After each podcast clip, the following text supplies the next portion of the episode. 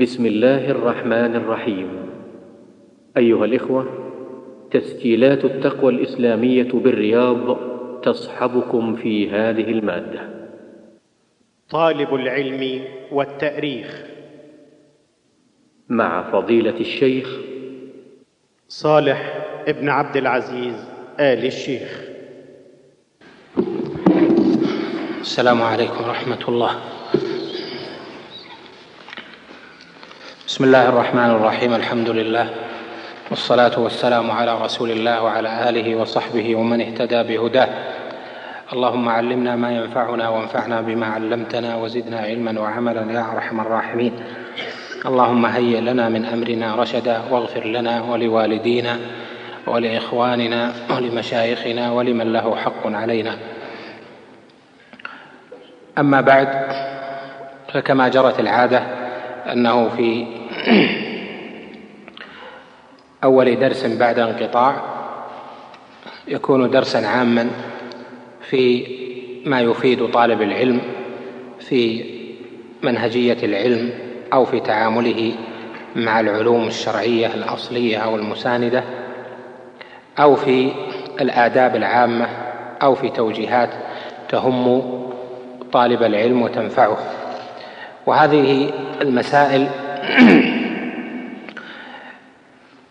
لا بد من طرقها لأن العلم ربما كان العلم والآداب ربما كانت في زمن أحوج منها في من زمن آخر. ولذلك لا ندري ماذا نستقبل في الأيام والسنين والعقود المقبلة فربما نفع ما يذكر في هذه المسائل في هذا البلد أو في غيره.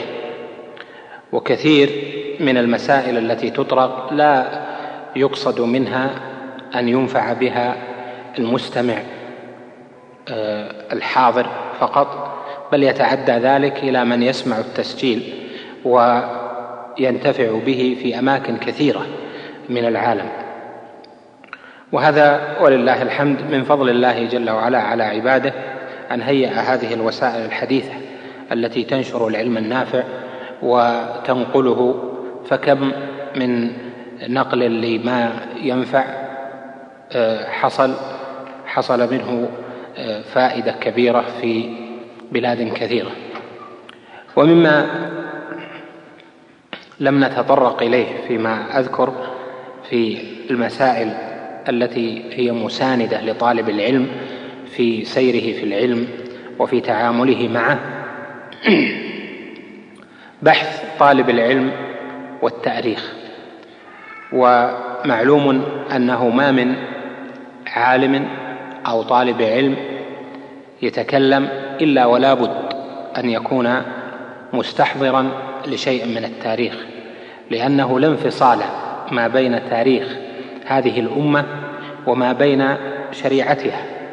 فالتاريخ صنعته الأمة بدولها وبما حصل فيها من تقلبات وصنعه أيضا العلماء وطلبة العلم وصنعه أيضا المهتمون بالتعليم في المدارس المخصصة الموقوفة على العلم ونحو ذلك من أصناف التاريخ والتأثير فيه كما سيأتي بيانه إن شاء الله تعالى. والاهتمام بالتاريخ والتأثر به أو التأثير فيه. هذا مما جاء مؤصلا في كتاب الله جل جلاله. فقصص القرآن أو فالقصص في القرآن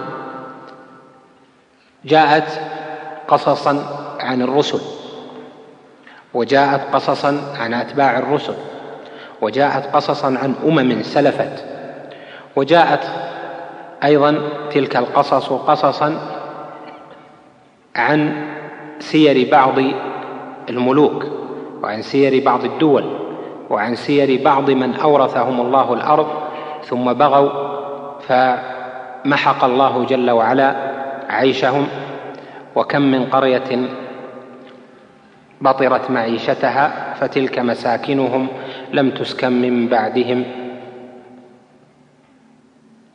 وكم أهلكنا من قرية بطرت معيشتها فتلك مساكنهم لم تسكن من بعدهم إلا قليلا وكنا نحن الوارثين. ولهذا لما كان التاريخ مذكورا في كتاب الله جل وعلا اعتنت به فئام كثيرة من علماء هذه الأمة بل اعتنى به العامة نقلا له وتأثرا به وسردا لأحداثه وقصصه. ولهذا لا بد من تأصيل اصول في هذا الميدان المهم لتكون نبراسا لطالب العلم فيما يتعلق بصلته بالتاريخ وقراءته فيه ومعرفته لذلك وكيف ينضبط في أخذ الدروس والعبر والاستفادة من التاريخ قديمه وحديثه. اولا التاريخ هو حركة حركة الناس التي تنتج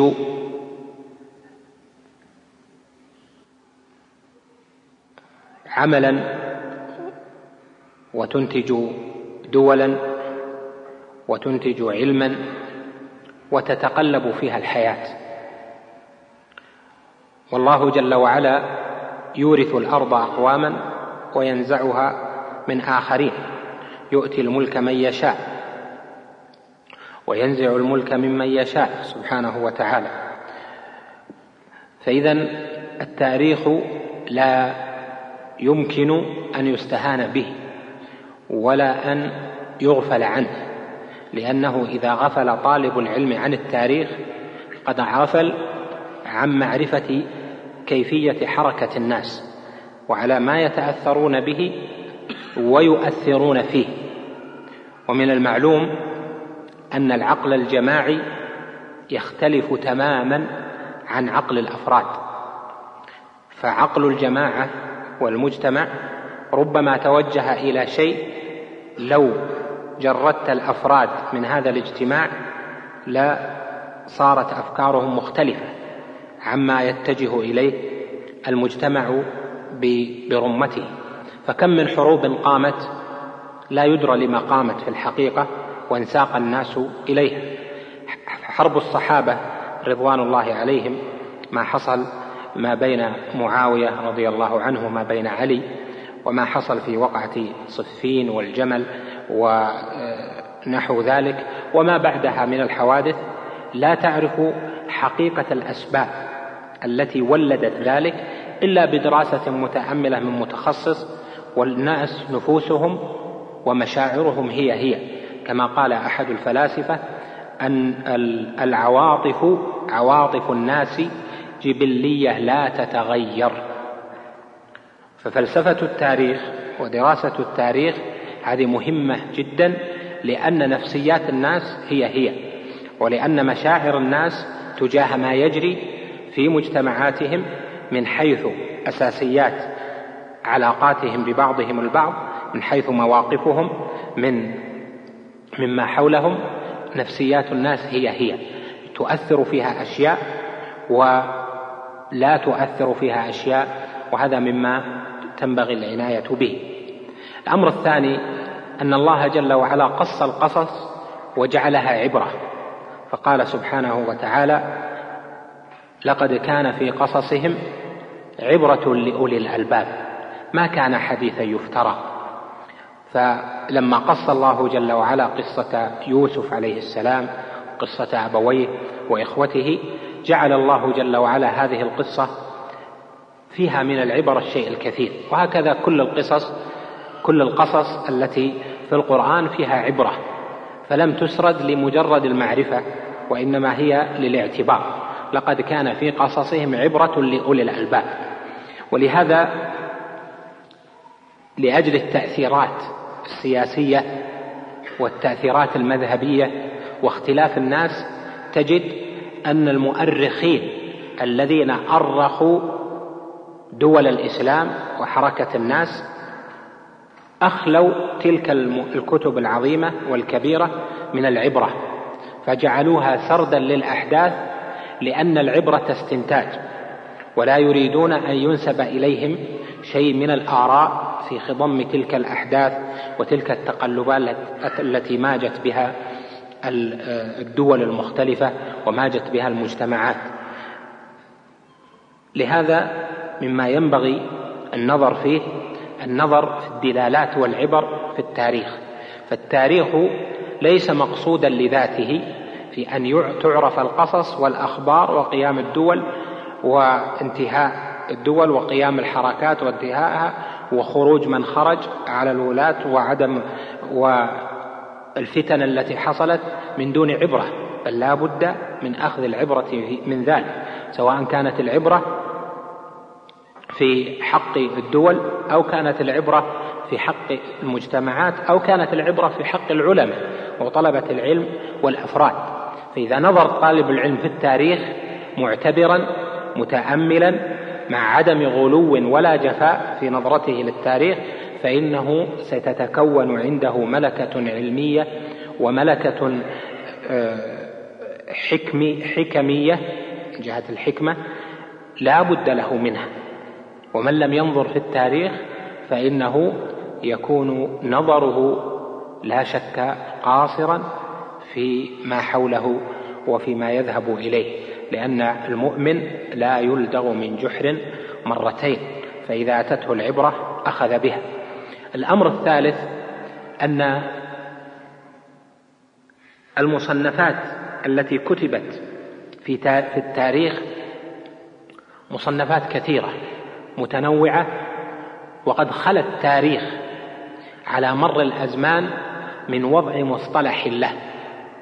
اعتنى العلماء بالعلوم الأصلية ووضعوا للنحو وضعوا للغة في تراكيبها وضعوا لها قوانين سميت بالنحو ووضعوا للفقه أصولا سميت بأصول الفقه ووضعوا للحديث مصطلحا سمي مصطلح الحديث ووضعوا للقرآن للتفسير علوما وجعلوا ذلك علوم القرآن أو أصول التفسير. وهكذا في اللغة. جعل للغة آه، أصولا وجعل لمعاجمها مصطلحات. فاعتني في ذلك كله في تأصيله. أما التاريخ فقد خلا من وضع مصطلح له أو قوانين له. لا من جهة الرواية ولا من جهة نقد المروي في حد ذاته ولا من جهة التقييم والعبر وكيف يصنف ومن تنقل عنه ومن لا تنقل.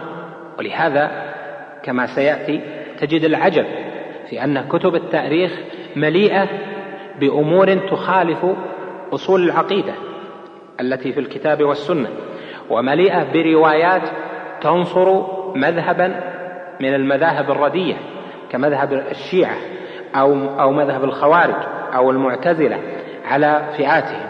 وهذا مما ينبغي معه التحرير والنظر. فحركة التاريخ نقلت لكن كيف نقل ذلك؟ ومن نقله؟ وهل كان عند الناقل التمييز؟ الجواب لا. فإذا نظرت في ما كتب خذ مثلا تاريخ ابن جرير وجدت فيه أشياء كثيرة ليست بمقرة لا من جهة الشريعة. ولا من جهة أيضا نقد المرويات ولا من جهة الرواة الذين الذين نقلوا فقد نقل مثلا كثيرا من الروايات عن أبي مخنف وحاله معروف ونقل كثيرا من الروايات عن سيف بن عمر وحاله معروف ونقل كثيرا من الروايات عن فلان وفلان. ممن هم متهمون في الجملة بمناصرة مذهب من المذاهب و فرقة من الفرق فحوروا وغيروا الأمر الرابع أن التاريخ من حيث هو في أمة الإسلام قسم إلى عدة أقسام. فهناك تاريخ للدول وثم مصنفات كثيرة لتاريخ الدول والقسم الثاني تاريخ الرجال. ويقصد بالرجال رجال العلم ولم يكن في تلك الأزمان اهتمام برجال السياسة أو رجال الوزارة الذين كانوا يستوزرون ونحو ذلك وإنما كان تأريخ الرجال الرجال الذين أثروا في العلم إما علم التفسير أو علم الحديث وهو أكثره أو القراء ونقلة القراءات والبحث في أحوالهم أو الرجال الذين نقلوا اللغة أو النحاة أو الأدبة ونحو ذلك فثم مصنفات كثيرة تتعلق بتأريخ الرجال. ولا شك أن الرجال أثروا في حركة التاريخ في زمانه. فالطلاب طلاب العلم إذا أخذوا عن العلماء فهؤلاء يؤثرون في المجتمع يؤثرون في المجتمع سلوكا ويؤثرون في المجتمع فكرا ويؤثرون في المجتمع علما.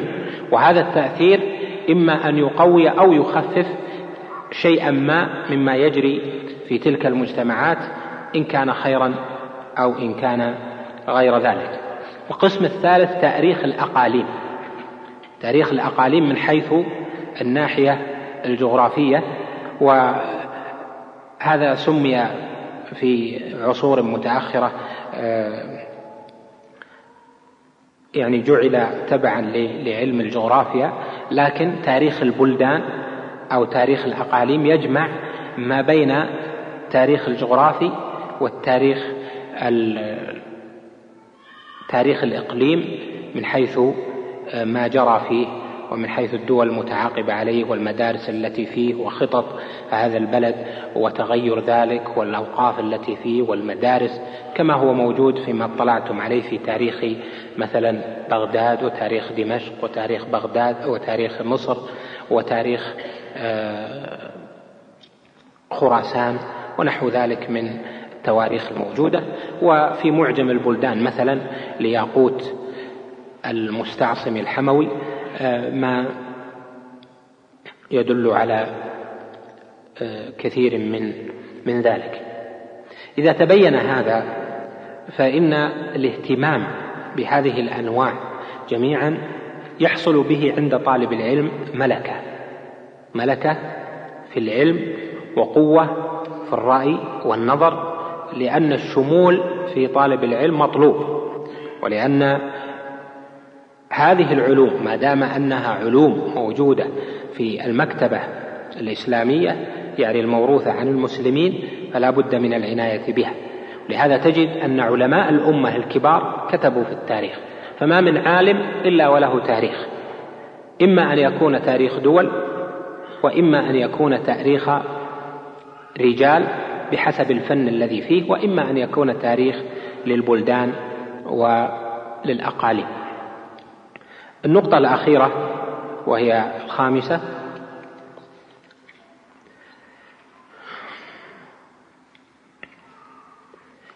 أن المعاصرين اهتم كثير منهم بالتاريخ في نقده أو في الاستنصار به على طريقة من الطرق أو مذهب من المذاهب أو فكرة من الفكر أو عقيدة من العقائد وتنوعت الكتابات في ذلك. ما بين كتابات فيها دراسة نظرية للتاريخ وتمحيص بحسب منهج الكاتب لما يريد من الروايات. فصار عندنا في المكتبة صار عندنا كم هائل من الكتابات المعاصرة في التاريخ. فمنهم من كتب في تاريخ الدول ومنهم من كتب في تاريخ الصحابة. ومنهم من كتب في تاريخ العلوم ومنهم من كتب في تاريخ العلماء ومنهم من كتب في تاريخ حركات معينة جرت في التاريخ ومنهم إلى آخره حتى منهم من كتب في السيرة كتابات متنوعة يدرس فيها ويأخذ العبر والدروس وهذه الكتابات إذا لم تكن منضبطة بضوابط شرعية متزنة فإن التاريخ كما أنه مختلف واختلف الناس فيه يعني في صناعة التاريخ وصارت هناك دول ومذاهب وفرق وحركات لوثت التاريخ في جملته فإن هذا الموروث سيحدث تفرقا آخر في الأمة كما هو موجود الآن فكم من دراسات نتج منها آراء جديدة ونتج منها مذاهب جديدة في في عصرنا الحاضر ومن رأى المكتبة ربما في هذه البلاد الطيبة لا تطلعون على كثير جدا من الكتابات المنحرفة في التاريخ لأنها لا تدخل هذه البلاد ولكن من اطلع في في غيرها خارج المملكة وجد الكم الهائل من الانحرافات في النظرات إلى تاريخ هذه الأمة. لهذا ينبغي أن يعتني المتمكنون وحداة العلم الصحيح والطلاب الشمولية في العلم والاستيعاب في العلم والموروثات في العلوم المساندة ويجب أن يعتنوا بها ككل حتى تكون نظرتهم أقوى وحتى يكون جذعهم أصلب في معالجة ما تستقبله هذه الأمة من أمور الله أعلم بها. إذا تبين هذا فنعرض لما ما يتصل بهذا الموضوع في اختصار أن هذا الموضوع متشعب وكبير. فنعرض أولا إلى تقسيمات التاريخ وهي النقطة الرابعة التي ذكرنا. فقلنا لك إن التاريخ ينقسم إلى ثلاثة أقسام والذي يهمنا منه الآن آه، قسمان. القسم الأول هو تاريخ الدول. وهذه الدول أو الكتب التي كتبت في ذلك منها ما يتعلق بدولة معينة كمثلا كتب مختصة بالدولة الأموية أو الدولة العباسية أو دولة بني حمدان أو الدولة آه، دولة آه، دول في اليمن يعني في القرون السابقة أو دولة في مصر أو الدولة الفاطمية أو في في الشرق في خراسان أو غيره مما يكون في القرون مما كان في القرون الأولى. وهذا استمر إلى أن كتبت الآن بعد التقسيمات الحديثة آه، السياسية للبلدان. كتبت تواريخ مستقلة تاريخ مصر وتاريخ السودان وتاريخ الجزيرة العربية وتاريخ المملكة تاريخ اليمن تاريخ الكويت تاريخ العراق تاريخ الشام تاريخ المغرب إلى آخره في كم من هائل من التواريخ تاريخ أفغانستان. ما فما من دولة وبلد بعد التقسيمات الجغرافية إلا نهض بعض المتحمسين فكتبوا تاريخا خاصا لهذه الدول أو الأقاليم لأجل آه، صلة الحاضر بالماضي. أما في الكتب القديمة فمنهم من سماها دول الإسلام كما صنع الذهبي. والذهبي كما وصفه العلماء علماء عصره ومن بعدهم قالوا مؤرخ الإسلام. فسمى دول الإسلام وله كتاب آخر كبير هذا مختصر صغير. كتاب آخر كبير سماه تأريخ الإسلام. وتسمية الأول بدول الإسلام عندي أنه لا بأس به لأن هذه الدول المتعاقبة دول الإسلامية المتعاقبة إلى زمنه.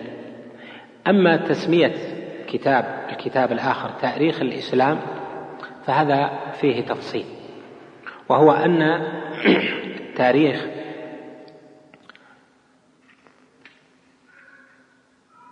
ينبغي أن ينسب إلى المسلمين. أما الإسلام من حيث هو فإنه أجل من أن تنسب إليه تلك المفاجع وتلك الاعتداءات وتلك الفتن. وتلك المذابح وتلك الوفرة الهائلة من إراقة الدماء ومن الصراع على السلطة ومن الصراع على الدول هو أجل من أن ينسب إليه آه، هذه أن تنسب ينسب إليه تاريخ الممزق وتاريخ السيء هذا. فهو في الحقيقة تاريخ المسلمين. وليس تاريخ الإسلام إلا أن يكون المقصود تاريخ أهل الإسلام فهذا لا بأس به. ولذلك تجد أن بعض المعاصرين ممن كتبوا يحذرون من رجوع حكم الإسلام في بلاد المسلمين. يقولون كما ذكره طه حسين كما ذكره بعض المستشرقين وكما ذكر بعض المردة المتأخرين كفرج فودة وغيره ممن كتبوا في هذه المجالات قال انظروا إلى تاريخ الإسلام فهو بعد انقضاء عصر الخلفاء الثلاثة بدأت المذابح والمقاتل والصراع على السلطة ونسف الدماء فلم تستقر الحال إلا في ذلك العصر المثالي الذي هو عصر الرسول صلى الله عليه وسلم وعصر الخلفاء الثلاثة. وما بعد فلم يستقر على حال. وهذا في الحقيقة نظر منهم إلى أن تاريخ المسلمين هو تاريخ الإسلام وأنهم ما فعلوا ذلك إلا بأمر الإسلام. والله جل وعلا ابتلى الأمة ولا شك بذلك ويجب على طلاب العلم أن ينتبهوا إلى هذا التفريق المهم ما بين تاريخ الإسلام وتاريخ أهل الإسلام. تاريخ المسلمين فهل هذا التاريخ صنعه الأذكياء الأتقياء من أهل الإسلام أم صنعه غيره؟ والله جل وعلا يبتلي وابتلى الأمة بفتن كثيرة والنبي صلى الله عليه وسلم كما ثبت في الصحيح سأل ربه ثلاثا فأعطاه اثنتين ومنعه ثالثة فقد جاء في صحيح مسلم أن النبي صلى الله عليه وسلم كان مع أصحابه مرة فمروا بمسجد من المساجد فأتاه النبي صلى الله عليه وسلم فركع فيه ركعتين ثم دعا. فقال فلما فرغ قال لأصحابه سألت الله ثلاثا فأعطاني اثنتين ومنعني واحدة. منعني أن لا يجعل بأس هذه الأمة بينهم شديد أو كما جاء في الحديث. وهذا الحديث بالمناسبة يستدل به على مشروعية الدعاء بعد صلاة ركعتين تطوع لأن النبي صلى الله عليه وسلم صلى ركعتين ثم ثم سأل. وفي سورة الأنعام قال الله جل وعلا قل هو القادر على أن يبعث عليكم عذابا من فوقكم لما نزلت. قال النبي صلى الله عليه وسلم أعوذ بوجهك.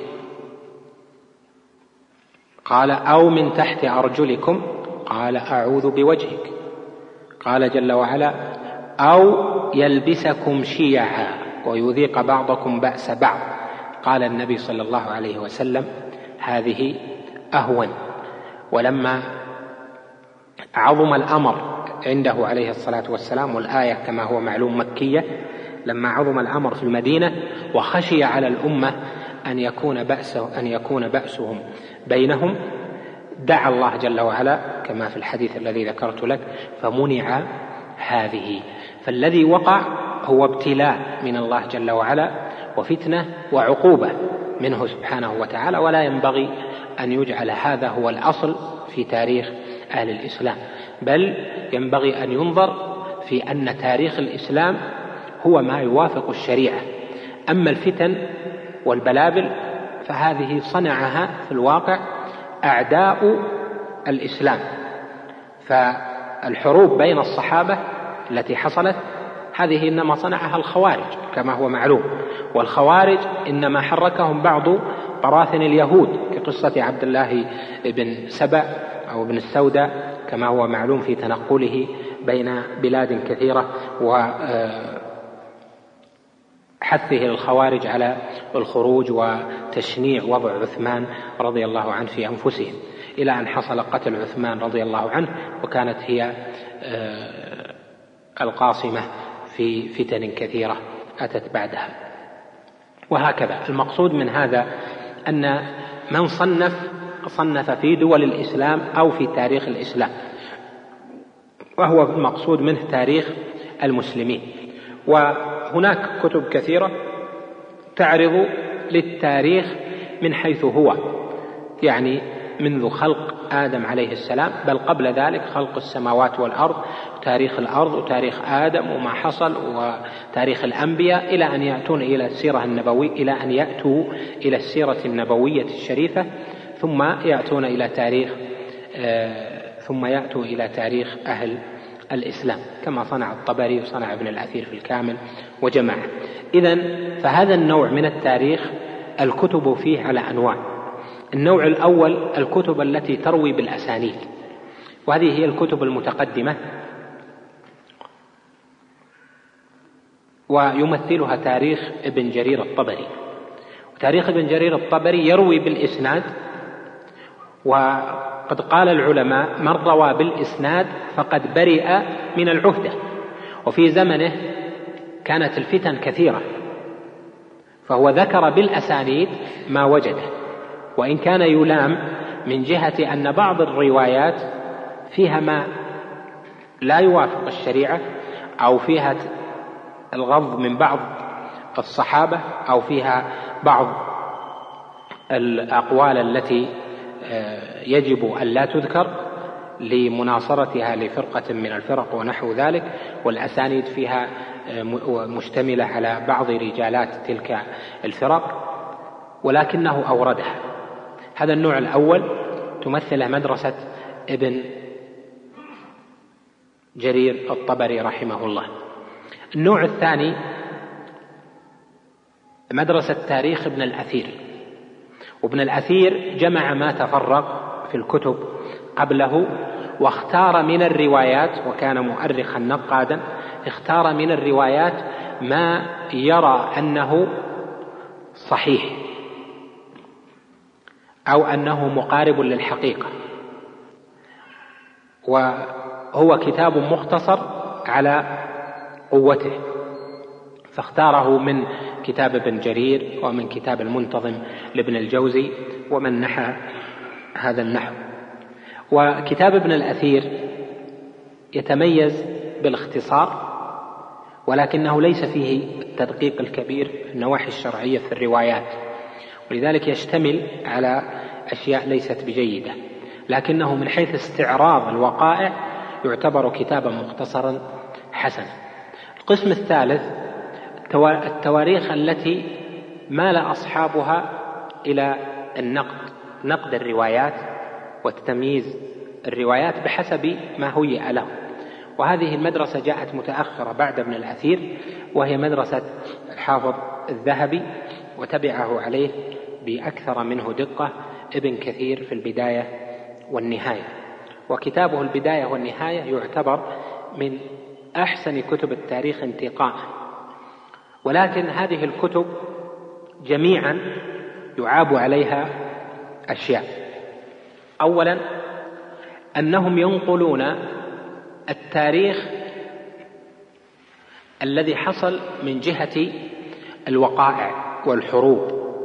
والجهاد والدول والفتوح والخلافات والفتن ولا ينقلون التاريخ الحسن الذي كانت عليه الدول.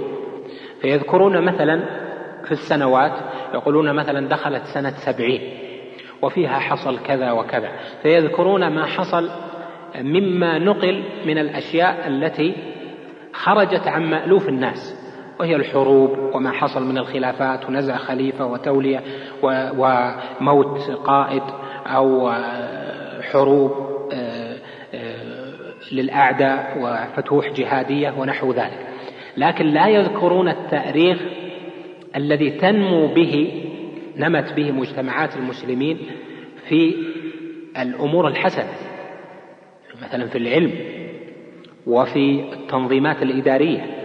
وفي التنظيمات العلمية ونحو ذلك. ولا شك أن الحقبة مثلا إذا أخذت الحقبة الأموية فإنها تميزت بأمور كثيرة.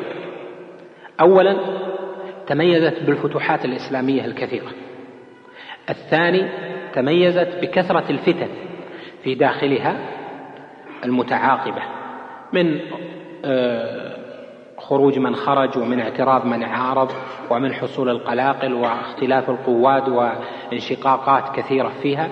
والقسم الثالث الحركة التنظيمية الكبيرة في الدولة التي نظمت بها الدواوين ونظمت بها المدارس ونظمت بها كما في العرف المعاصر الوزارات ونظمت بها آه، حياة الناس ونظم بها العطاء ونظم بها الإقطاع ونظم بها أشياء كثيرة فهذه كلها إذا نظرت للتاريخ فإنه يتعرض للأول والثاني. أما الثالث فتكاد لا تجد عنه خبرا إلا بخبر تلو خبر تنتزعها في خلال سنين كثيرة أو في ترجمة بعض العلماء أو فيما يرد على استحياء. وهذا في الحقيقة أفقدنا الحركة التاريخية التي هي متصلة بالناس اتصالا وثيقا. أما الحروب الفتن فهي التي برزت في آه، تاريخ التاريخ. أكثر ما تجد الحروب والفتن اللي بين الخلفاء وبين الولاة وبين القواد والفتن والقلاقل والشقاقات التي حصلت ثم الأقل منها الحركات الجهادية. حتى إذا أتى للجهاد فإنه يقول فتح كذا ولا يأتي تفصيل كثير يعني بقدر التفصيل الذي يكون في الفتن والخلافات التي حصلت. وهذا لا شك من مآخذ التاريخ وهذا لا يعني أن هذا هو التاريخ. فيجب على طالب العلم إذا نظر أن يكون عنده نظر ثاقب في أن التاريخ إنما هو تدوين لما حصل. والذي حصل في حياة الناس ليس هو فقط ما ما ذكر. إذا نظرت مثلا إلى تسلط القرامطة مثلا وما حصل من تسلط القرامطة على بلاد الإسلام والفاطميين وهم آه، باطنيون كالقرامطة ونحو ذلك لا تجد في كتب أهل الإسلام في كتب التاريخ الوصف الكبير لمواقف العلماء ووضع المدارس والعلم والتأليف في تلك الفترة. وإنما تجد الخبر عن تلك الدول وما حصل من فتن والقتل ونحو ذلك وهذه الحركة الكبيرة لا تجدها. لكن اليوم مثلا الناس بحاجة إلى أن يعلموا ناس طلبة العلم أن يعلموا ماذا فعل العلماء وأهل الحديث والآئمة في تلك الفترة. لا تكاد تجد إلا الخبر بعد الخبر في يعني يبحث عنه بالمناقيش. وهذا لا شك قصور من المؤرخين لأنهم درجوا على أن لا يذكروا إلا السيء أو إلا ما خرج عن مألوف الناس. أما ما كان فيه الدراسة والنظر والمواقف العامة والحركة العامة لأهل العلم وحركة المجتمع والناس فلا يوجد من ذلك إلا الشيء القليل. القسم الثاني تاريخ الرجال. البحث هذا يطول جدا لكن نذكر بعض ما يهم في ذلك. تاريخ الرجال مهم. تاريخ الرجال على قسمين. تاريخ الرجال من حيث تراج تراجم الرجال يعني بيان سير العلماء سيرة الصحابة سيرة التابعين آه، وهذه السير بجميع ما حصل في حياتهم كما صنع ابن أبي حاتم مثلا في تقدمة الجرح والتعديل وكما صنع عدد من أهل العلم فيما طولوا في تراجم آه، أهل العلم من الصحابة والأئمة. وهناك نوع آخر يذكر من التراجم العلماء والرجال ما يتصل بالجرح والتعديل فقط كما هو موجود في الكمال وتهذيب الكمال و تهذيب التهذيب وهذه السلسلة لأن المقصود من هذه نقد الرواية. فإذا الكتب المتعلقة بتراجم الرجال هي على قسمين شهيرين. القسم الأول تراجم مستوعبة لحياة العالم حياة الرجال وما فيها من محاسن وما فيها من عبر. والقسم الثاني مقصوده لفن من الفنون. فيترجم للقارئ لأحد القراء أو يترجم كتب القراء فيما يتعلق بفن القراءة. ويترجم في الحديث فيما يتعلق بفن الحديث. ويترجم للنحاة فيما يتعلق بالنحو.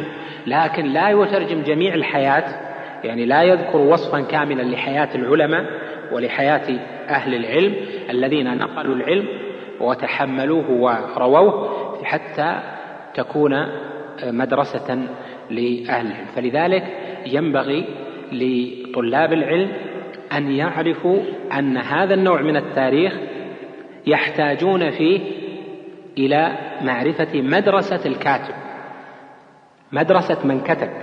تارة يكون من كتب يريد أن يذكر جميع حياة الرجل. تارة يكون يريد ما يعلي الهمة في شيء معين مثل ما فعل الذهبي في سير أعلام النبلاء. هو ينتقي من الأخبار ما يكون فيه علو همة لأجل أن يقتدي كل صنف بمن يعجبون به. فذكر أخبار القواد وأخبار العلماء أخبار الساسة أخبار الفضلاء أخبار التجار يعني الذين كانت لهم مآثر كثيرة في في الوقوف يعني في الأوقاف وفي المدارس إلى آخره يعني حتى يقتدى بهم فجعل ذلك معنونا بسير أعلام النبلاء. ولا تأخذ تاريخ العلماء من كتب الجرح والتعديل فقط لأن هذه فيها آه، أو منوطة بالهدف من ذلك والغاية وهو أن تنقد الروايات. ليس المقصود سير العلماء المقصود آه، كيف تنقد الرواية. فيقول لك هذا روى عن فلان وروى عنه فلان وقال فيه أحمد كذا وقال فيه الشافعي كذا وقال فلو أخذت مثلا حياة الإمام أحمد وهو من هو على جلالته وعظم آه، شأنه وقدره في الإسلام. لو أخذت حياته من كتب الجرح والتعديل لما وجدت شيئا كبيرا. فيه ذكر لحياة أحمد. لكن لو رجعت للكتب المطولة التي كتبت عن حياة أحمد كمناقب أحمد للبيهقي وكمناقب أحمد لابن الجوزي وسيرة أحمد بن حنبل لغيره كسيرة مثلا الشافعي لابن أبي حاتم الرازي وسيرة الشافعي للبيهقي إلى آخره من هذه السير. فستجد فيها أخبارا كثيرة تعطيك آه، قدوة وفائدة في جميع جوانب حياة أولئك العلماء. وهكذا في حياة المتأخرين تجد الأمر كذلك. الأمر الثالث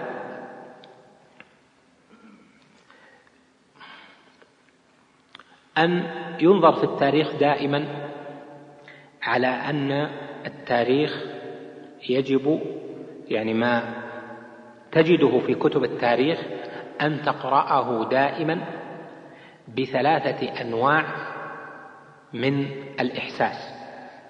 الأول الإحساس الشرعي والعقدي بالخصوص والثاني الإحساس بالعبرة والثالث النقد الدائم للروايات. أما الأول فأن تنظر مثلا إلى ما روي في السيرة أو روي في تاريخ الصحابة أو في الوقائع بإحساس عقدي شرعي تميز فيه ما بين ما يصح شرعا وما لا يصح. لأن الذي ينقل حتى على فرض أنه صح فإنه إنما يصح في حال من وقعت له الحادثة. ومعلوم أن من وقعت له الحادثة لا يؤخذ عنهم التشريع. لأنهم مثلا من الجند. كان كانوا يقولون كذا وربما هذه الرواية لا يكون يقالها إلا مجموعة رأوا هذا الرأي. فلا يحكم على الشريعة بالروايات التاريخية. فإذا كنا ننقد أو إذا اختلف الصحابة نرجع إلى السنة فيما اختلفوا فيه في المسائل الفقهية فالمسائل التاريخ أولى أن ترد إذا خالفت الشريعة ولهذا أدخلت أشياء على سيرة النبي صلى الله عليه وسلم ليست بصحيحة في ميزان الشرع. ليست بصحيحة من جهة الرواية ولا من جهة المروي. لهذا الحس النقدي هذا العقدي والشرعي ينبغي أن يصاحب طالب العلم ولا بحيث أن لا يقرأ مسترسلا بحيث أنه يقرأ ويمتلئ من التاريخ وهو لا يشعر بأنه يؤثر فيه آه، في بعض المسائل دون أن يحصل. مثلا آه، الحركات التي حصلت في تاريخ الإسلام التي فيها الخروج على بعض الولاة. إذا قرأها طالب العلم قد يتأثر بها ويجعل هذه الحركة مقدمة في حصول الخروج وحصول معارضة الولاة في زمن ما في زمن بني أمية وفي زمن بعض العباسيين أو فيما بعده. يجعل هذه مؤثرة في نفسه دون أن يرجع إلى الأصل. وهو ما جاء في النصوص من آه، تحريم الخروج على الولاة ما أقاموا الصلاة أو ما لم يظهر كفر بواح أولئك الذين حصل منهم حركات مختلفة في التاريخ يجب أن تنقد النقد الشرعي الصحيح وأن توزن بميزان عقيدة السلف وليست هي حكما على عقائد السلف نغير عقائد السلف لأجل حركة فلان وفلان مما حصل في التاريخ ليس الأمر كذلك. وهذه الحركات أثرت في أناس بل أثرت في جماعات. من الجماعات المعاصرة في الدعوة وجعلت وكان هذا التأثر كبيرا في رسم كثير من الاتجاهات المعاصرة في الدعوة. وهذا مما ينبغي أن لا يكون كذلك بل أن يكون السبيل الرجوع إلى العلم. فإذا كان العلم مقدما على الآراء آراء الرجال.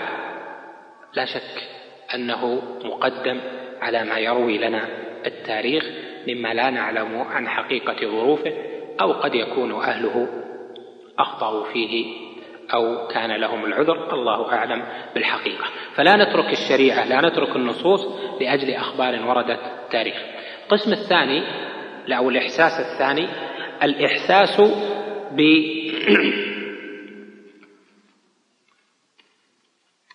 إيش؟ أو الإحساس بالاعتبار فإذا نظر الناظر في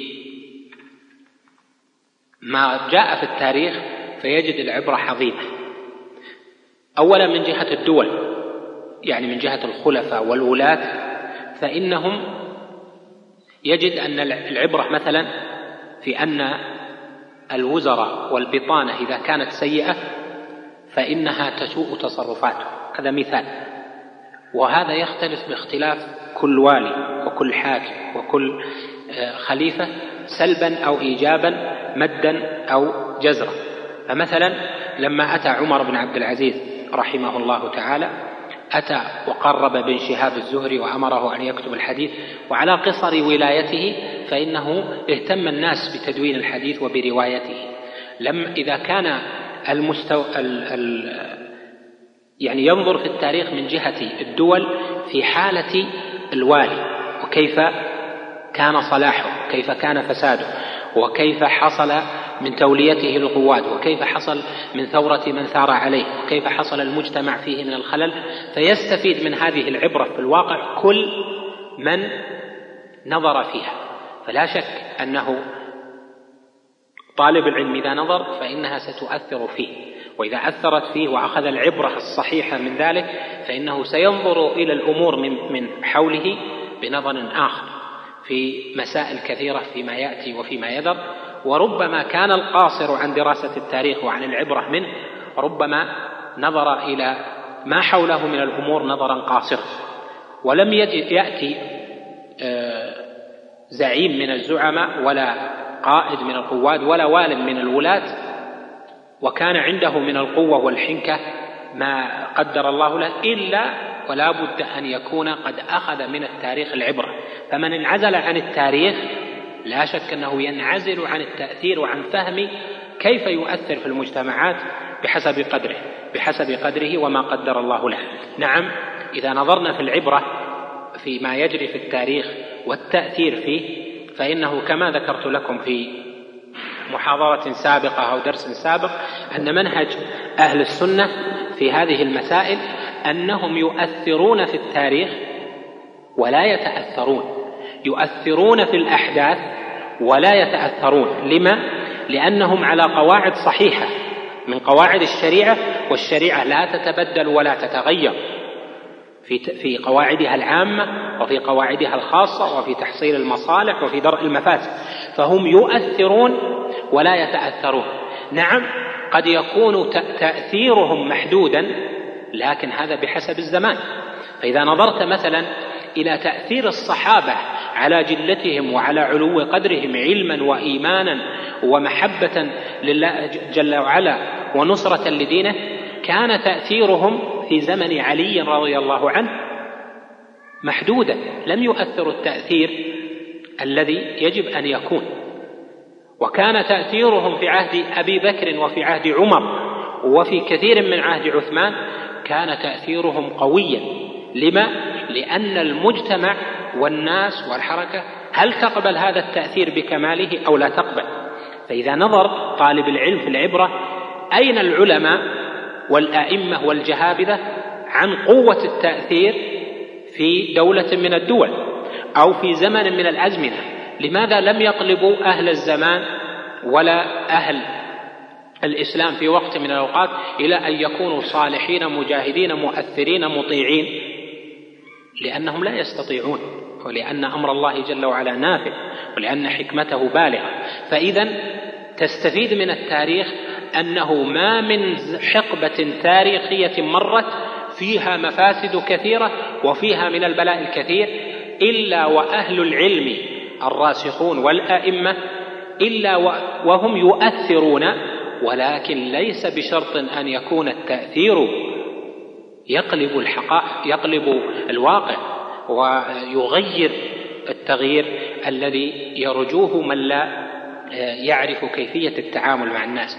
حركة المجتمع تنظر إلى التاريخ القديم والحديث إلى أن حركة المجتمع بأجمعه حركة الدولة حركة الوزراء في الدولة وحركة القواد وحركة الناس وحركة المنتفعين وحركة المتسلطين وحركة من من يعمل ويصنع. هذه لا شك أنها ستجابه كل وسيلة من وسائل الإصلاح ووسيلة من وسائل التأثير الشرعي المحمود. لكن ما الذي صنعه أهل العلم؟ إذا نظرنا في عهد الصحابة كيف أثروا؟ كان تأثيرهم محمودا وعظيما لما كانوا في زمن أبي بكر وعمر وعثمان.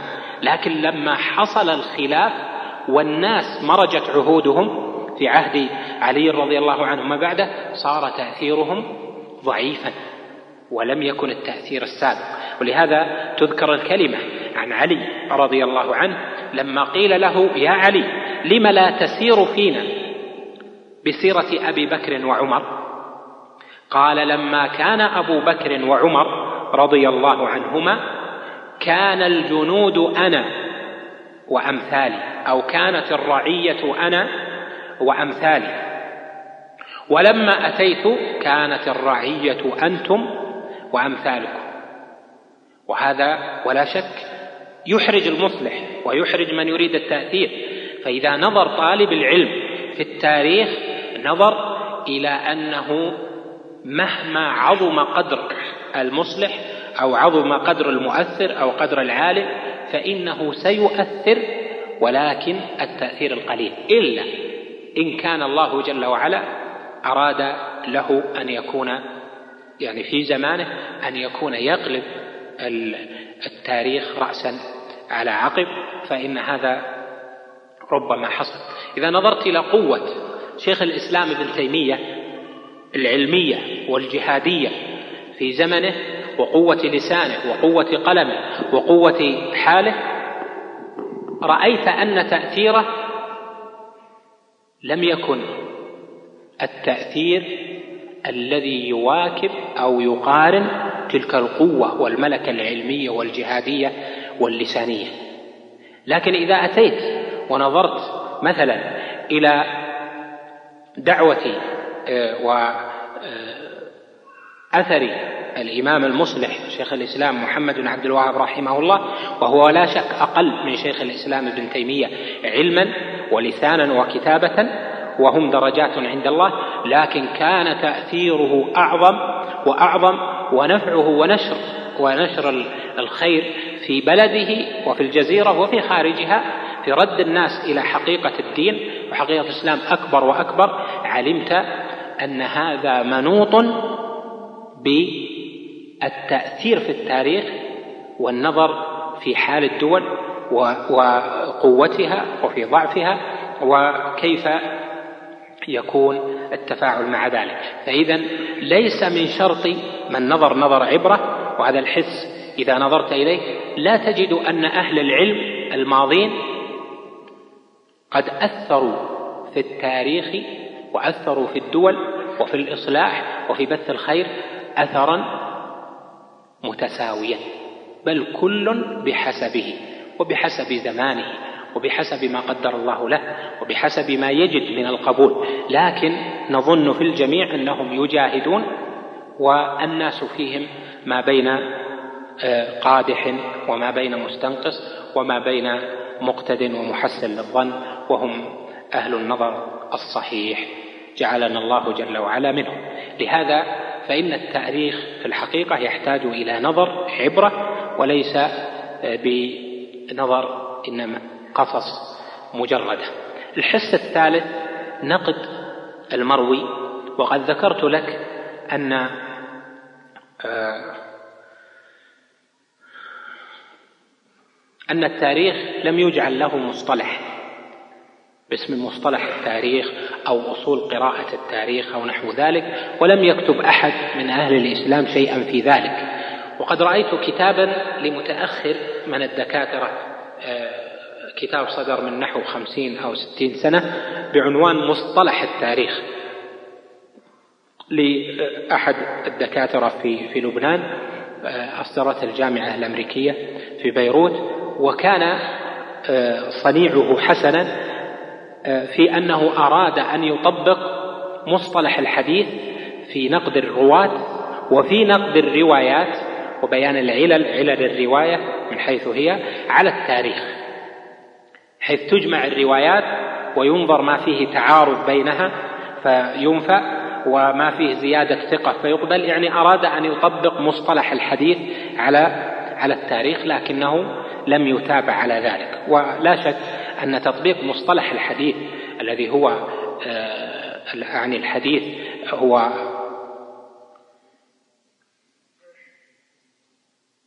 المصدر الثاني من مصادر التشريع الإسلامي العظيم سنة النبي صلى الله عليه وسلم أن يجعل نقد المرويات التاريخية كنقد آه، سنة النبي صلى الله عليه وسلم ليس كذلك لكن لم يتصدر أحد لذلك. لهذا ينبغي أن تنظر إلى المروي بنظر منطقي بنظر عقلي. هل يعقل أن يكون مثل هذا أو لا يعقل؟ وهل يعقل ليس بنظر آه، نظري بحت؟ ولكن بالنظر إلى دراسة حقبة معينة من ذلك التاريخ. يعني مثلا إذا نظرت إلى كثرة المرويات التي جاءت في عهد عن عهد عثمان رضي الله عنه وما حصل فيه من كذا وكذا من أنواع خلل كثيرة وقصص لا يعقل أن يكون ذلك المجتمع قابلا لتلك الأشياء. إذا نظرت مثلا في عصر متأخر إلى قصص هارون الرشيد رحمه الله وكان عليه في عهده من قوة في الجهاد وقوة في نشر الإسلام وأنه كان يحج عاما ويجاهد عاما وكيف كان من قوته في ذلك؟ لا يمكن أن تصدق ما أشاعه الرافضة والشيعة وما أشاعه آه، المستشرقون بعد ذلك في العصور المتأخرة من أنه كان مارج السلوك مارج الأخلاق صاحب سكر وغناء وسهر في الليالي ونحو ذلك. فيكون هناك نقد ذاتي بعد معرفة الحقبة من حقب التاريخ التي كانت موجودة. وهذا لا شك يحتاجه طالب العلم احتياجا مهما. آه، على كل حال الحديث ذو شجون ويطول الكلام فيه لكن هذا مما ينبغي آه، لطالب العلم أن يتعاهده والمقام قصير أن نفصل الكلام في هذه آه، النقاط التي تحتاج إلى تفصيل واسع. وإلى أن ننظر نظرة أخرى إلى التواريخ المعاصرة كيف ينبغي الاهتمام بها خاصة تاريخ نجد وتاريخ الدعوة الإصلاحية التي لن يفهم أحد الدعوة فهما حقيقيا إلا يعني من حيث آه، الدعوة آه، من حيث المؤلفات التي ألفت ومن حيث آه، الأحكام التي حكم بها ومن حيث حركة المجتمع إلا بعد أن يقرأ تاريخ نجد وتاريخ الدولة السعودية الأولى والثانية والثالثة حتى يعلم كيف كانت هذه الحركة وكذلك إذا نظرنا إلى بعض الدول الأخرى المعاصرة آه، كيف حصل فيها الخلل كيف حصل فيها الاستعمار والتغريب ولا بد أن يقرأ التاريخ وأن يحصل, له من ذلك الفائدة والعبرة والعظة ولا شك أن تأمل لكتاب الله جل وعلا يجعل طالب العلم يحرص على قراءة التاريخ قراءة متأنية قراءة علم لا قراءة هوى. أسأل الله جل وعلا لي ولكم التوفيق والسداد وأن يبارك لنا في أعمالنا وأعمارنا وأن يغفر لنا ذنوبنا. إنه سبحانه جواد كريم وصلى الله وسلم وبارك على نبينا محمد.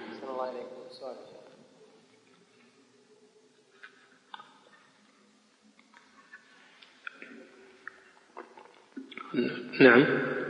أحسن الله عليك بناء على ما تقدم. يعني ما هو توجيه قول شيخ الإسلام الدين والملك قرينان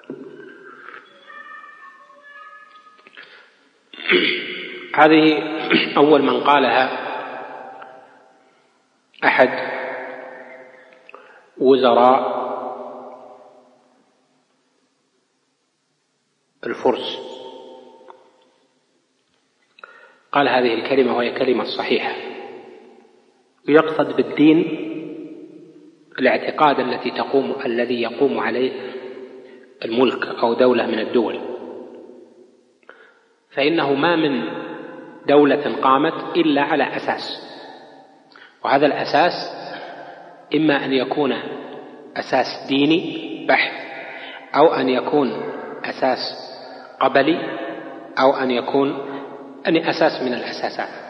إذا كان الأساس دينيا فإنه لا تبقى الولاية إلا ببقاء ذلك الأساس. وإذا نظرت إلى أن الدول المتعاقبة اللي مرت مثلا دول الإسلام الدولة الأموية والدولة العباسية كان في أول أمرها لغرض من الأغراض. وقربوا فيه أهل العلم وقووهم يعني بحسب اتجاههم. ثم بعد ذلك يضعف وتضعف هذه الصلة شيئا فشيئا حتى يحصل ضعف الاعتماد على الدين. وأصلا إنما اجتمعوا على أو قووا بالاجتماع على هذا الأساس. ولذلك الدين والملك قرينان يعني أنهما ركنان لبناء. فإذا قام ملك ما على الدين فإنه إذا اختل ركن اختل الركن الآخر ولا بد. وإنما يضعف أساس الملك إذا ضعف أساس الدين. وإنما حتى الدين إذا لم يوجد له ناصر من الملك والولاية فإنه لا يقوم. النبي صلى الله عليه وسلم وهو المؤيد من الله جل وعلا كان يبحث عن ناصر ينصره. ولما نصره الأنصار سموا لما نصرته الأوس والخزرج سموا الأنصار. وعيسى عليه السلام قال من أنصاري إلى الله؟ فطلب النصر وطلب القوة هذا ديدن الأنبياء عليهم السلام ولا غرابة في أن يقوم ملك على على دين أو أن يطلب دين المساندة أن يطلب أصحاب دين المساندة والقوة من دولة أو من ولاية لأن هذا به ينتصر الدين. المقصود من ذلك أن كلمة السائس أو الوزير الفارسي بزرج مهر في أن الدين والملك صنوان وركنان فإذا اهتز أحدهما اهتز الآخر. هذه كلمة صحيحة ولا شك فيها. فكل شيء قام على أساس إذا اختل الأساس فإنه لا يقوم قياما صحيحا. نجيب عن بعض الأسئلة المكتوبة. لقد قرأت في كتاب البداية والنهاية لابن كثير في سيرة شيخ الإسلام وقد ذكر ابن كثير رحمه الله عند موت شيخ الإسلام أن هناك من كان يتبرك بشيخ الإسلام. كيف يذكر ابن كثير ذلك مع عدم التنبيه عليه؟ هو هذا في كثير من هذه الأشياء وفي كتب التاريخ تجد كثير من ذكر التبركات أو زيارة بعض القبور دون أن ينبهوا لأن المقصود ذكر الواقع. وهذا من العجائب أن تجد عالما وإماما يعيش حياته لبيان التوحيد وهو ابن تيمية.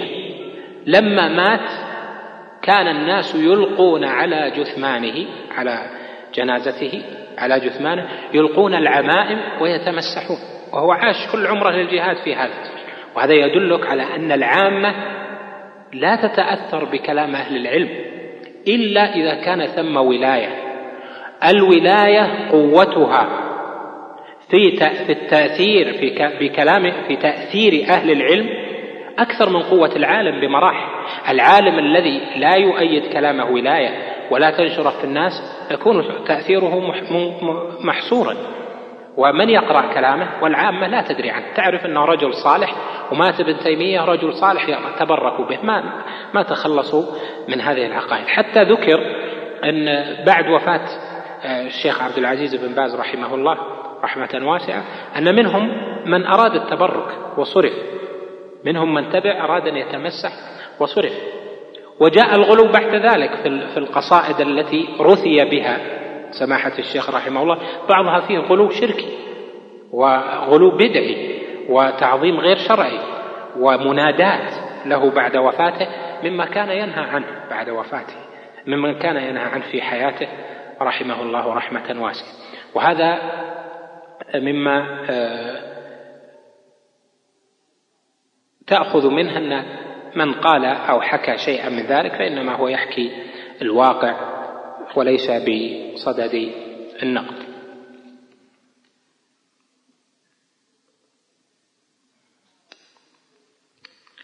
قل ظهر منذ زمن بعض الكتاب الذين يشككون في تاريخ الإسلام وينكرون وجود بعض الأعلام كإنكار القعقاع بن عمرو التميمي فما هو الباعث لمثل هذا الإنكار. الباعث هذا قد يكون مذهبيا آه، يعني مثلا عندك شخصيتان الشيعة آه، لا يحبون أن يذكرا في التاريخ ولا أثر هذين في التاريخ. الأول القعقاع بن عمرو والثاني عبد الله بن السودة أو بن سبأ. وثم كتابات شيعية كثيرة من من قديم في أن هاتين الشخصيتين منحولتان وأن ليس لها وجود. وكتب التاريخ كثيرة يعني أوردت هذا الذكر وشاع ومن نقده يعني وأثبت عدم الوجود فإنه معارض بإثبات من أثبته والمسألة لها بحث. تفصيلي آخر. مر معكم في الوقت كتابات في الجرائد ما بين إثبات ونفي عبد الله آه، القعقاع بن عمرو وعبد الله بن سبأ وكل السلاسل هذه التي تؤثر على بعض الفرق. والجواب التفصيلي له له مجال آخر. من هو أفضل من كتب التاريخ في العصر الحديث؟ ما رأيكم بكتابات محمود شاكر؟ رحمه الله. محمود شاكر آه، اثنان سوري ومصري. المصري أديب وهو الأستاذ الأديب المعروف محمود محمد شاكر وهذا من الأشراف.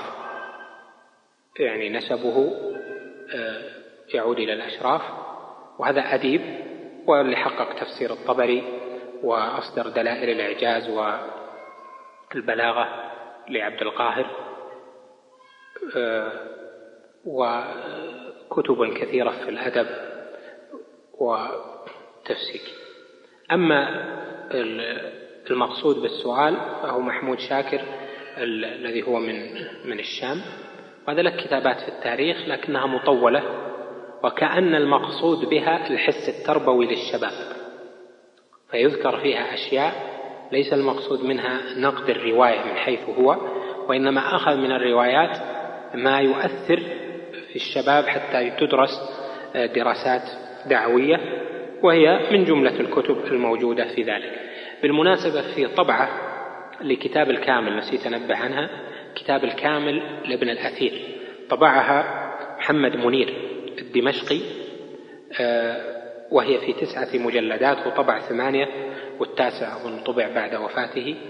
وهذه الطبعة فيها تعليقات في نقد كثير من المرويات لأحد كبار المؤرخين المصريين وهو آه، الأستاذ عبد الوهاب النجار وهو من المؤرخين المعروفين في مصر. وله تعليقات حسنة في كثير من الوقائع التاريخية. فالانتباه لهذه الطبعة ولهذه التعليقات مهم لطالب العلم إذا أراد القراءة. أيهما صح في الكتابة والنطق في كلمة التاريخ بالهمزة والتأريخ؟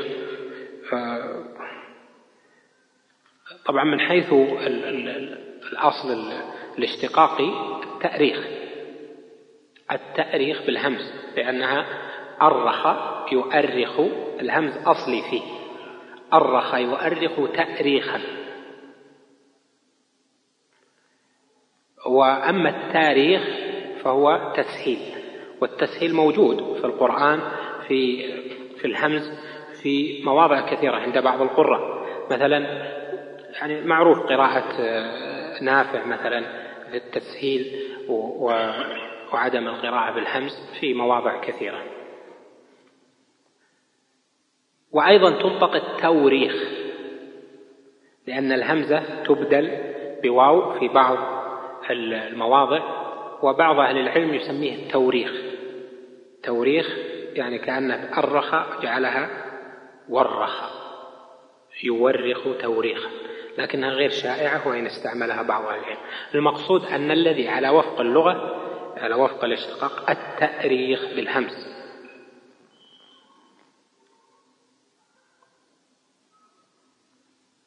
وأما التاريخ فهو تسهيل.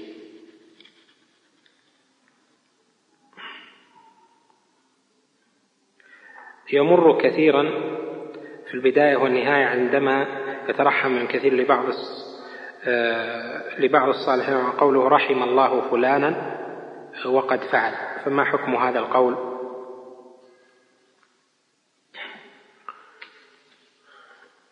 قد فعل إذا كان المراد بالرحمة الرحمة بالموت على الإسلام وعدم زيغ القلب قبل الوفاة فهذا العبارة الصحيحة أما إذا كان المقصود الرحمة بالنجاة من العذاب ودخول الجنة هذه شهادة لميت.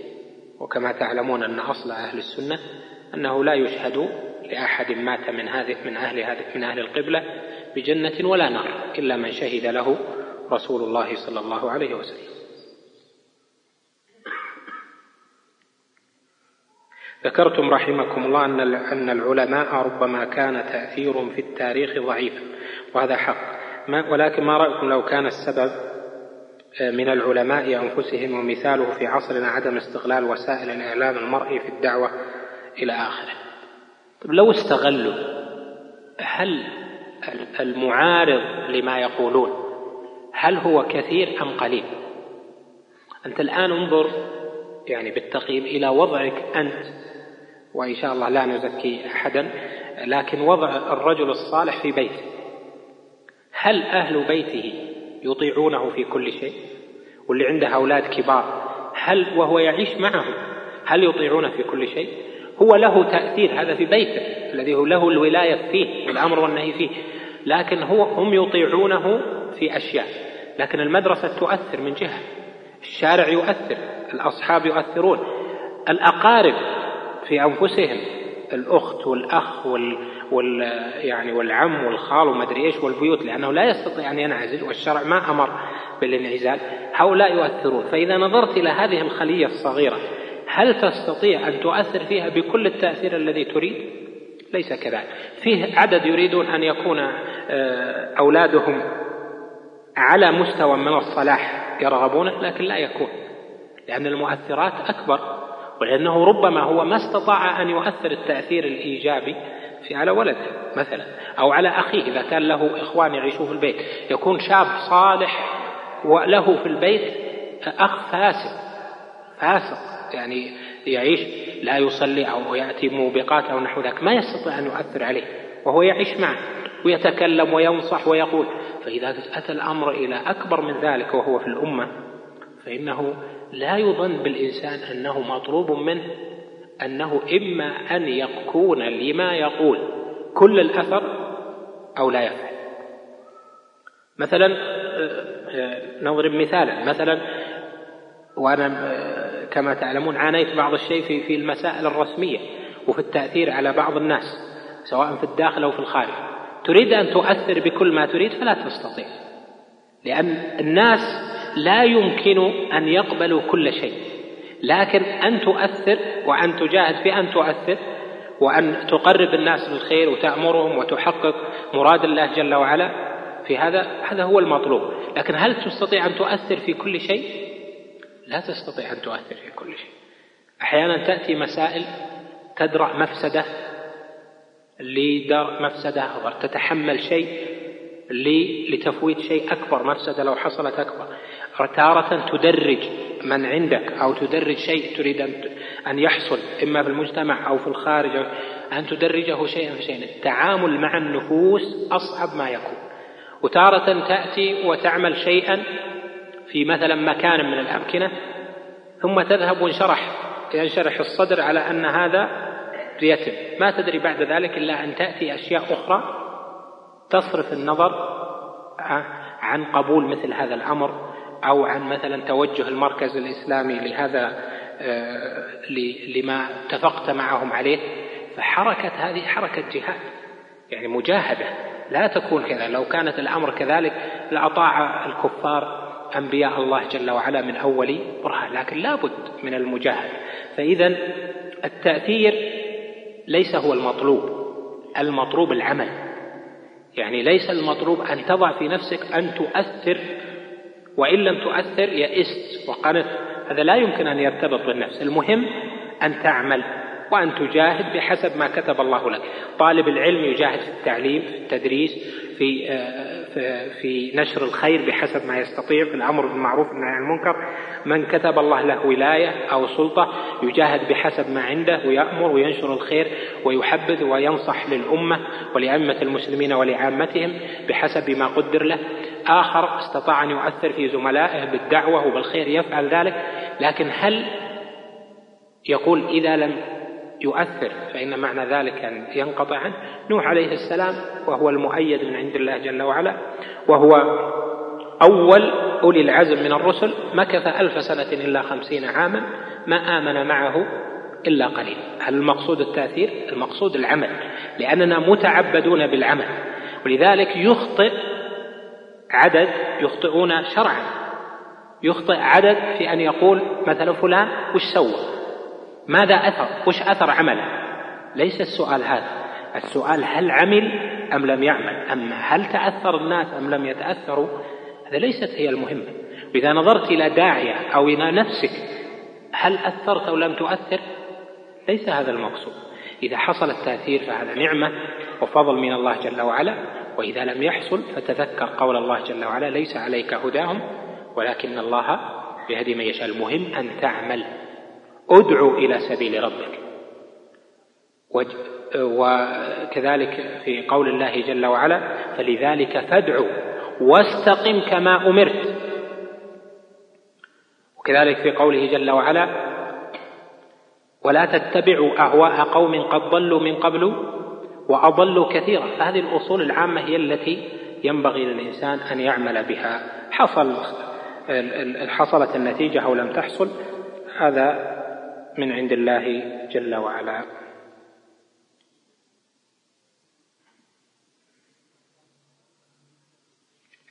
من أحرم للحج وعند دخوله مكة منع من الدخول لعدم حمله التصريح فهل عليه شيء في ذلك؟ علما بأنه يعرف القرار عن التصريح. أولا ينبغي له أن يلتزم لأن هذا مبني على فتوى شرعية من هيئة كبار العلماء فينبغي له أن يطيع ولاة الأمر من العلماء في فتواهم الشرعية وألا يقدم على ذلك. إذا حصل مثل هذا فإذا فاته الحج فإنه يكون محصرا يتحلل بعمرة كما هو معلوم. يعني بمعنى ينتظر إلى يوم عرفة محرما. ثم بعد ذلك إذا إذا فات خلاص انتهى الحج آه، يأتي يدخل بعمرة ويتم عمرته لكن الحج بعد آه، الإحرام به فإنه لا يرفض. يعني لا يمكن أن يخرج من الحج إلا بالطواف والسعي إلا بتمام أركان الحج إذا كان تمكن وإذا أحصر أو منع فلا بد من تحلله بعمرة.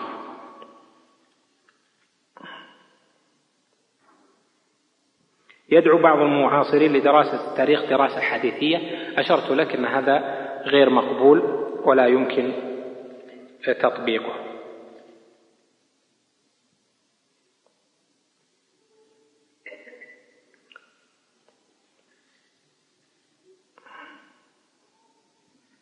هل يمكن أن يؤصل طالب العلم نفسه من جهة التاريخ من خلال قراءته لمقدمة ابن خلدون؟ لا شك مقدمة ابن خلدون نافعة في حركة المجتمعات الحركة العلمية والحركة العمرانية والحركة النفسية وحركة الدول ومن يصلح كيف تقوم فهي نواة جيدة لهذا الأصل أقترح عليكم أن تشرحوا المنظومة القحطانية ليست من آه، من الكتب الأصلية التي تشرح. الخلط بين أسانيد المؤرخين والمحدثين ما هو أثره وأسبابه.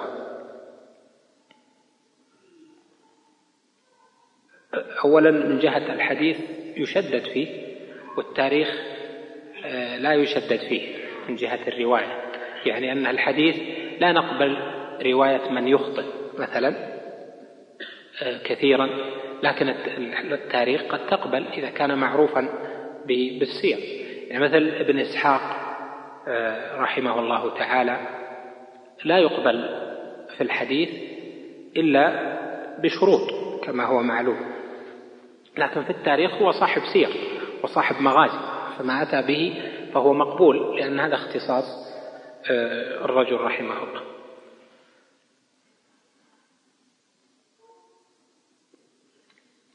هل اطلعتم على كتاب فقه التاريخ للشيخ عبد الحميد السحيباني وفقه الله ما رأيك فيه. مع الأسف ما اطلعت عليه ولعل هذا يكون تنبيه إلى الاطلاع عليه. نكتفي بهذا القدر. وفقكم الله.